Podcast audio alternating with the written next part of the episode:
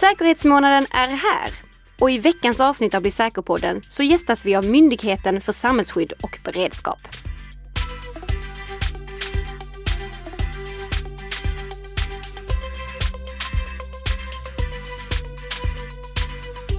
God morgon Nika! God morgon, god morgon Tess! Hur är läget denna fredagsmorgon?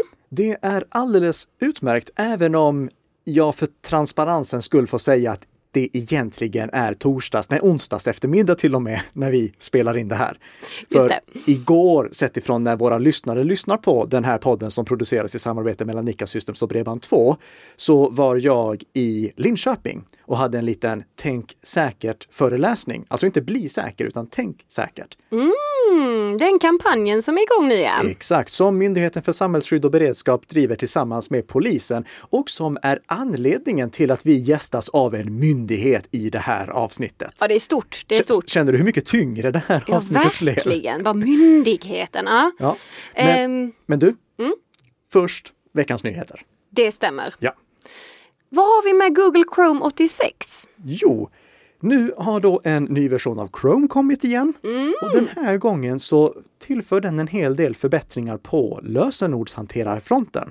Google Chrome har ju en inbyggd lösenordshanterare och från och med Chrome 86 som är tillgänglig nu så finns det en funktion för att kontrollera ifall lösenorden som man har sparat har läckt. Alltså typ som Aha. eh, Have I been pwned tjänsten som vi har nämnt flera Är gånger det tidigare. sant?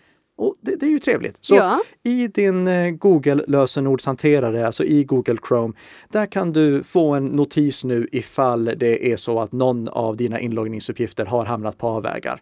Och i så fall får du en liten notis där det står att här ska du byta. Och, och det fina här är att det är till och med kopplat till en webbstandard som låter de som driver en webbplats standardisera vilken plats som, eh, eller vilken sida som besökaren ska ledas in på för att byta sitt lösenord. Så om webbplatsen stödjer det, då kan användaren bara klicka på byt lösenord och så kommer han eller hon direkt till den här lösenordsbytarsajten. Eller lösenordsbytarsidan. Så. Där ser man. Mm, väldigt trevligt. Ja. Dessutom i nästa version av eh, eh, Chrome för iOS, då planerar Google lägga till stöd för att man ska kunna använda Google Chromes lösenordshanterare för att fylla i lösenord i andra iOS-appar. Alltså inte bara i Google Chrome utan även i andra iOS-appar på precis samma sätt som till exempel Bitwarden, LastPass och OnePassword kan göra. Mm. Så många fina förbättringar där. Men Alltid ett men. Ja, nästan alltid. Och i det här fallet så är det jag avråder fortfarande från Google Chromes lösenordshanterare. Ja. Det här är ett bra steg på rätt väg, men vi har fortfarande problemet att om du kör Google Chrome på en Windows-dator, då kan ett annat program som är installerat på den datorn be Chrome om att få alla sparade lösenord. Och då säger Chrome absolut, varsågod! Och lämnar över det. ja. Och det är, det, är liksom bara vansinnigt. Och om ni som lyssnar på den här vill testa det själva, så installera Firefox och välj att importera lösenorden från Chrome, så ser ni att ni kan göra det utan att behöva ange något huvudlösenord. Så jag, jag tror att på sikt så kommer vi kunna använda även Google Chromes lösenordshanterare. Men än så länge avråder jag från den. Använd istället en riktig lösenordshanterare som till exempel Bitwarden, LastPass eller OnePassword. Mm. Den enda webbläsaren som har en, en lösenordshanterare inbyggd som är värd att klassa som riktig lösenordshanterare, det är Firefox. För de har ju den här Lockwise eh, lösenordshanteraren som vi har pratat om tidigare. ja. Och jag lägger med en länk till det också som vanligt. Såklart. Ja. Vi har ju tidigare pratat om Virus Total. Det har vi också gjort. Ja! Vad har vi på detta nu då, Annika? Jo, Virus Total är en fantastisk tjänst. Det är den som låter dig ta ett eh, program som du misstänker att är ett skadeprogram, ladda upp till den här Virus Total-sidan som eh, drivs av ett eh, dotterbolag till Google eller dotterbolag till Googles ägare Alphabet. Jag minns inte riktigt strukturen där. Nej. Men i alla fall, du, du får ladda upp det dit och då skannas det här programmet av typ en eh, 70-80 olika antivirusmotorer för att se ifall det är ett skadeprogram eller ifall det är någonting som man kan köra på sin dator. Och jag rekommenderar Virus Total absolut, så jag, jag vill först och främst göra det väldigt tydligt. Det här är en jättebra tjänst. Men ladda inte upp känslig information dit. För när du laddar upp information dit, då får alltså de medverkande organisationerna och andra säkerhetsforskare möjlighet att ta del av den informationen. Mm. Och Leif Nixon, eh, som ni för övrigt bör följa på Twitter, han twittrade ut förra veckan så här. Någon på Läkemedelsverket använder tydligen VirusTotal för att kolla upp mejl som känns misstänkta. Den här handlingen är visserligen allmän och offentlig, men det känns inte helt rätt. Och så har han en skärmdump här av ett mejl där det står Hej! Mitt namn är med personnummer. Jag skickade alla mina papper som eh, gäller att söka tillstånd. Jag skickade med posten. Jag undrar om ni har fått handlingarna. Tacksam om ni skickar ett mejl.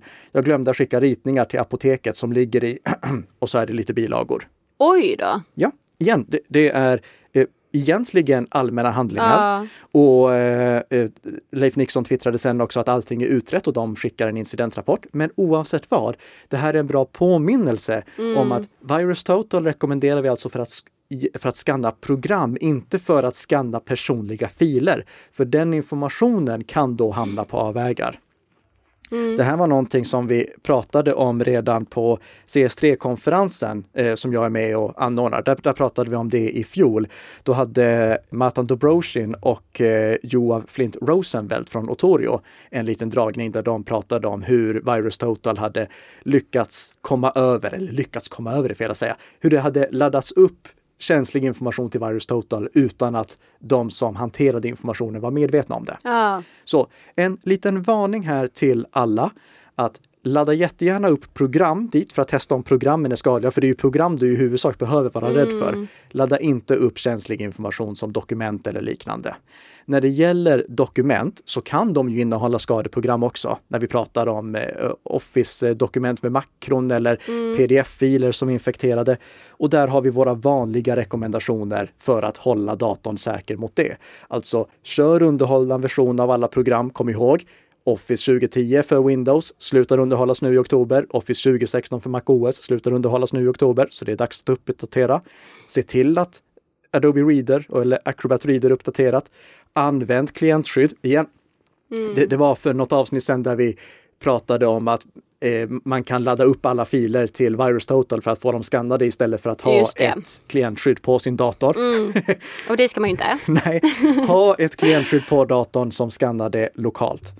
Eh, stänga av makrokörning har vi tipsat om också. Jag lägger med en länk till det för er som är intresserade. Det hittar ni i våra show notes. CERT-SE vid, samhälls, eh, vid Myndigheten för samhällsskydd och beredskap, de publicerade också nu i veckan en liten artikel med anledning av det här. Och de skriver som så här. CERT-SE vill uppmana till försiktighet vid användning av publika tjänster för bedömning av potentiellt skadliga filer. Tjänsterna kan fylla en funktion för att enkelt bedöma om filer innehåller skadlig kod, men risken för oönskad informationsspridning är stor vid felaktigt användande.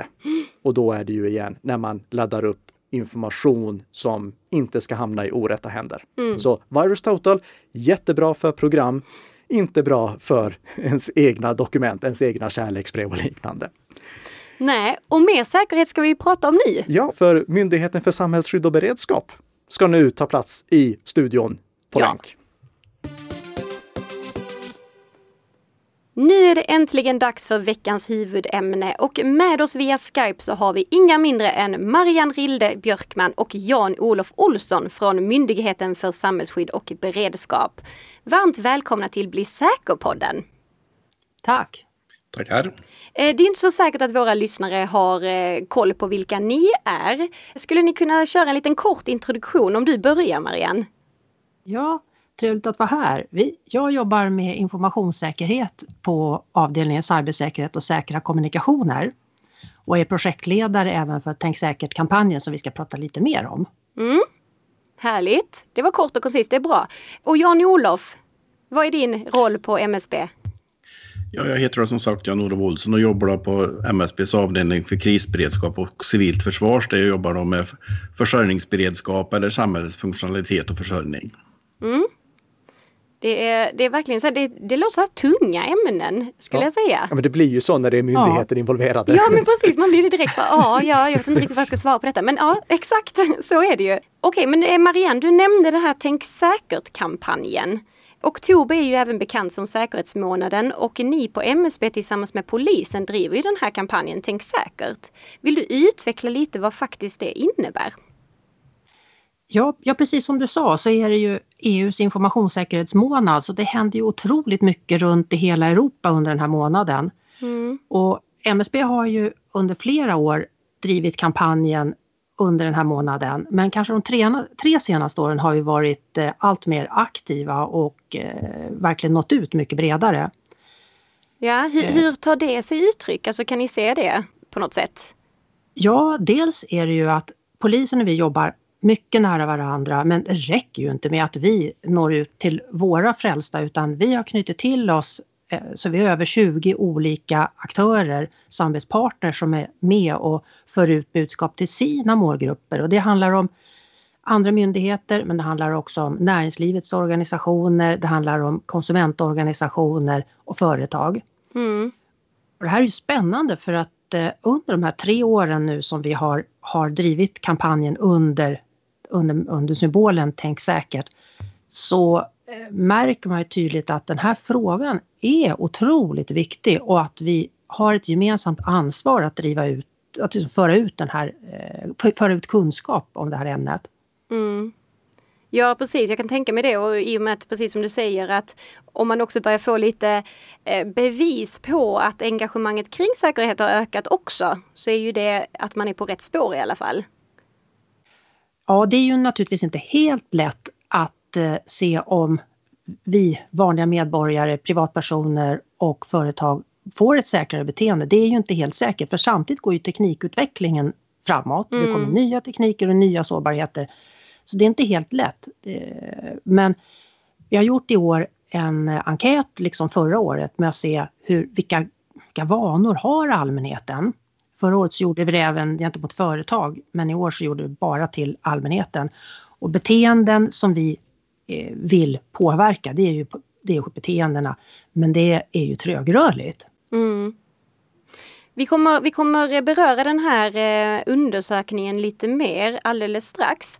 Men jag tänker, är det någonting, finns det några eh, nya teman detta året som ni har valt att fokusera på som skiljer från övriga år? Ja, vi försöker ju alltid under de här tre åren i alla fall vara aktuella, att liksom känna vad är det som är viktigt? Och det här året är ju synnerligen speciellt eftersom vi har en pandemi som gjort att vi är allt mer digitala. Vi jobbar hemifrån, vi shoppar på nätet. Mm. Så vad vi har fokuserat på särskilt det är ju nätfiske. Att se till att privatpersoner och eh, företagen blir bättre på att inte klicka på länkar bara med automatik, att inte klicka på bilagor utan att tänka efter. Så vad, och träna in oss att tänka, vad är det jag ska titta på? Vad, vad är det som gör att det här länken ska jag inte klicka på? Mm. Så fokus på och, beteendet där ja. Ja, och sen så det är alltså vägen in kan man säga. Vägen in det är ju problemet mycket med, med nätfiske. Men sen är ju lösningarna i alla fall. Har du bra lösenord, har ordning på dina kortuppgifter och tar backup och så vidare. Mm. Alltså det här är ju ljuv musik i mina öron. Jag tänker liksom det, det du måste sitta här och bara småler Nicka. Ja. Nej, Vad bra då, då har vi valt rätt fokusområde då. ja, jag håller absolut med. För det, det, är ju de här problemen som vi fortfarande dras med. Och det gäller oavsett om vi pratar om privatpersoner eller om vi pratar om medarbetare i organisationer. I och med att oavsett om vi är i vår privata miljö eller i vår arbetsmiljö så är vi människor. Mm. Och människor är bra på att göra mänskliga saker, men inte på att göra saker som maskiner egentligen är mer lämpade för att göra, så som att komma ihåg lösenord. Och dessutom, vi människor, vi kan luras. Och kopplingen till det är ju också intressant när du säger att vi människor kan luras. Det är ju att eh, de som är ute efter våra uppgifter, vår information, alltså brottslingarna, är också otroligt skickliga på att förstå hur mänskliga hjärnan funkar. Mm. Mm. De vet att eh, hjärnan funkar så att ska vi vara snabba för att få någon belöning så agerar vi snabbt och reptilhjärnan går in. Mm. De vet att när erbjudandet är, är, alltså det är för få med erbjudande, då gäller det att vara snabb och det reagerar vår hjärna på.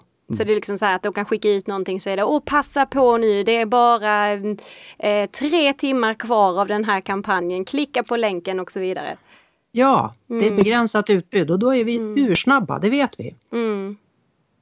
Men ser man generellt sett en, eh, en ökning av nätfiskeattacker mot allmänheten?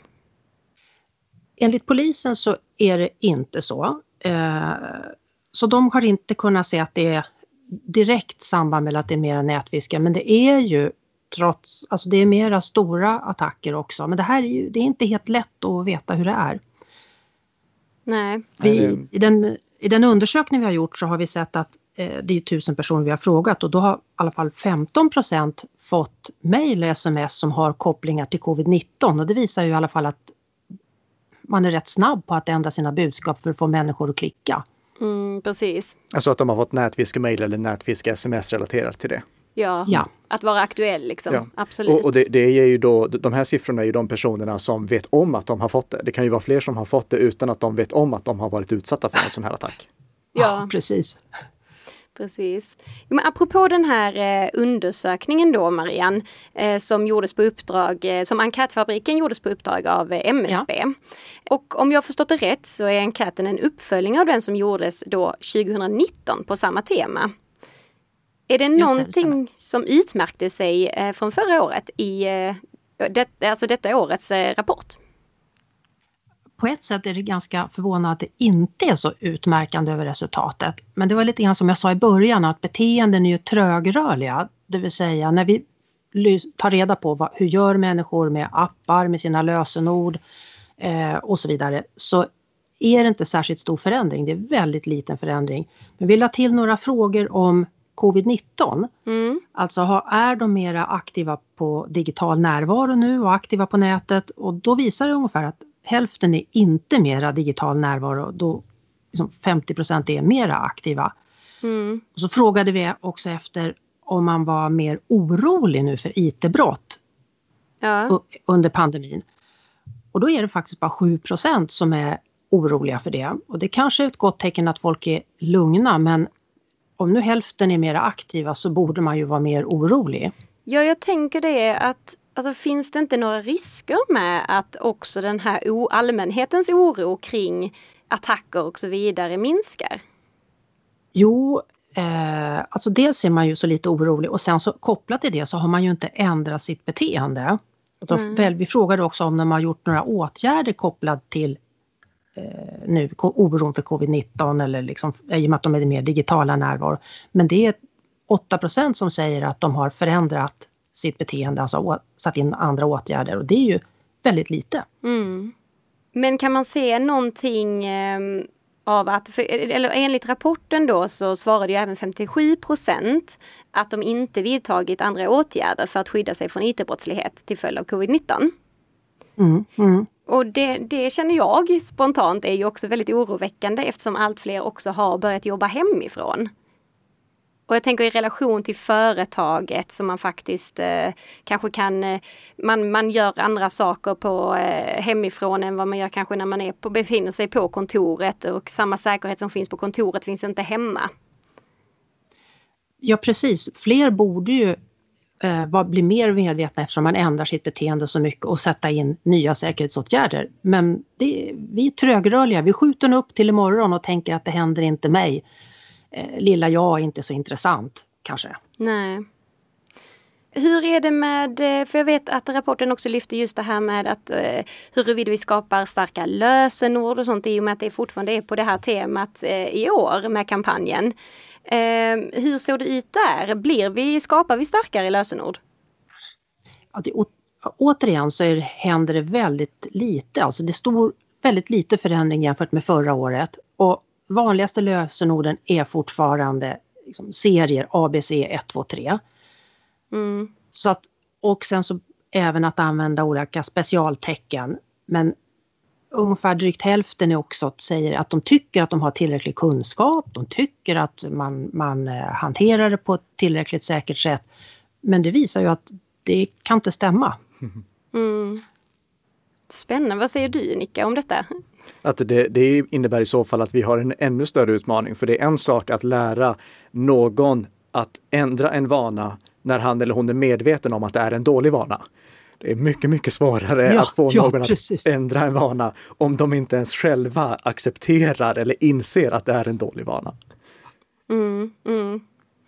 Men om vi säger eh, Jan-Olof, om, eh, om eh, du skulle ge några så säkerhetsråd apropå den här statistiken då som har eh, dykt upp.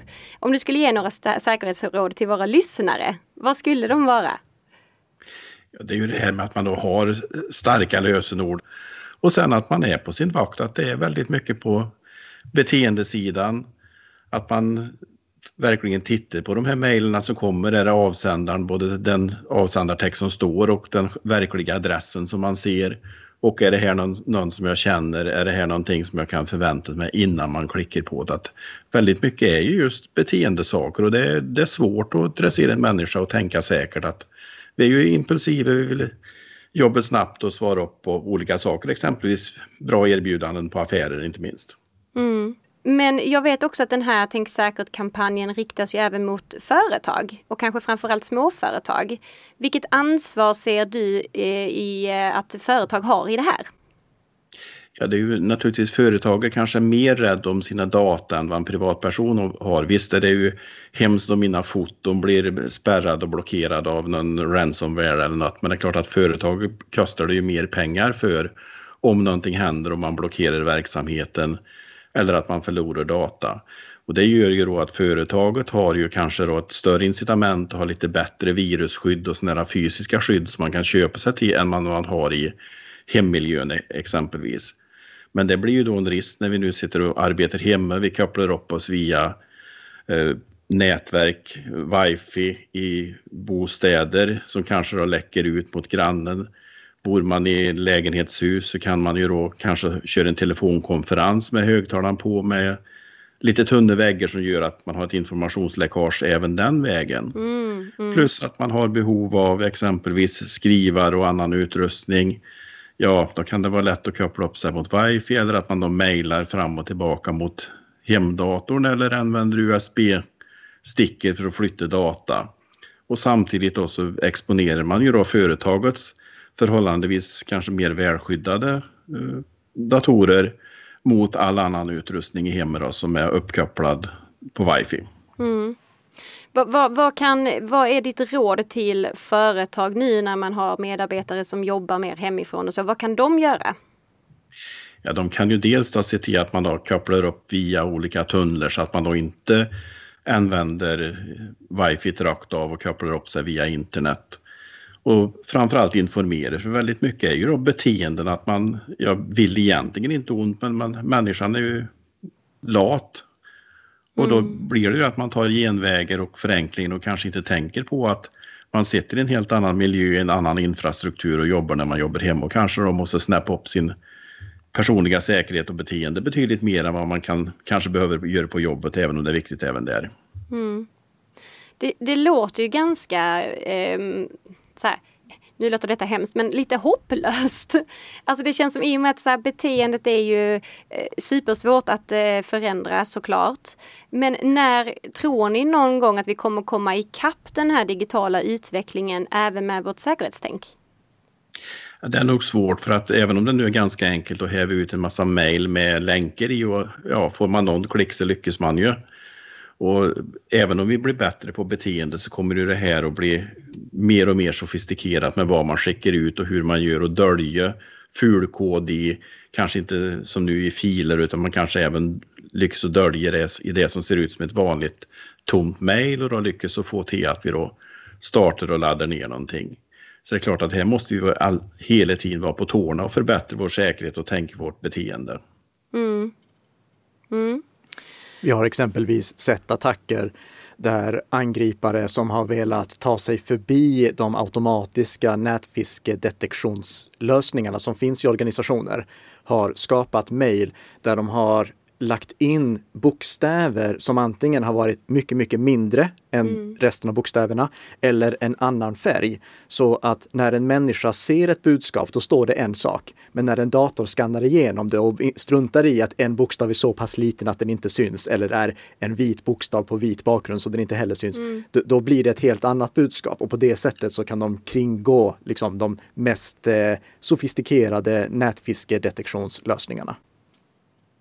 Intressant. Och vi har olika appar som man då, man klickar ju spontant bara bort det här med kakor exempelvis. Och ja, man kan ju skicka med olika saker.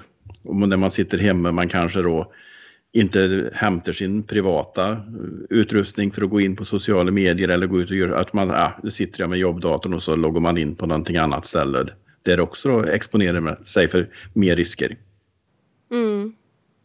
Ja, det, det, känns ju som att vi har, en, vi har en, en lång resa, men jag tycker att det låter som en, alltså det är en fantastisk kampanj den här, Tänk säkert. Och eh, hoppas verkligen att, att fler hakar på och att även kanske ännu fler aktörer eh, hakar på kanske även nästa år istället. Mm. Mm. Säkert. Är det någonting som, nu ser jag här att tiden börjar ju ticka på som vanligt här. Men är det någonting som ni känner att ni vill slänga ut så här i etern eh, innan vi avrundar? Det är ju egentligen bara att, eller egentligen är, bara är det inte för det, det är bara börja.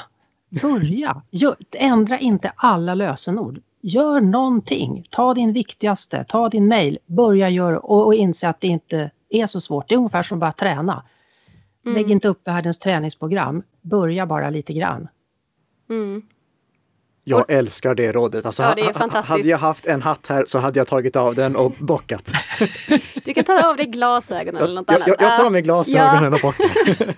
Nej, men jag, jag, håller absolut med. För, mm. och, och, det är också därför som vi gör den här podden varenda vecka. För att liksom hela tiden påminna om nya saker som man kan göra. För det är omöjligt att göra allting på en och samma gång.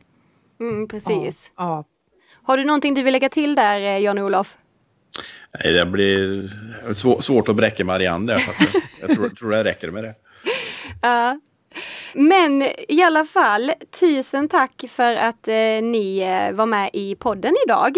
Och för den som vill följa eh, Tänk säkert-kampanjen kan ju dels eh, såklart gå in på MSBs eh, hemsida, men även följa hashtaggarna tanksäkert och Security Month. Så får man hålla sig lite ajour.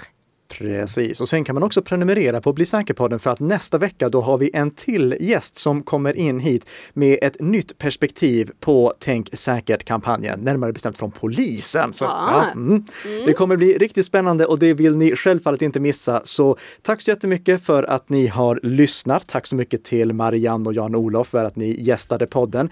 Och vi, kära lyssnare, vi hörs nästa vecka igen med ett nytt avsnitt av Bli säker-podden som gör dig lite säkrare för varje vecka som går.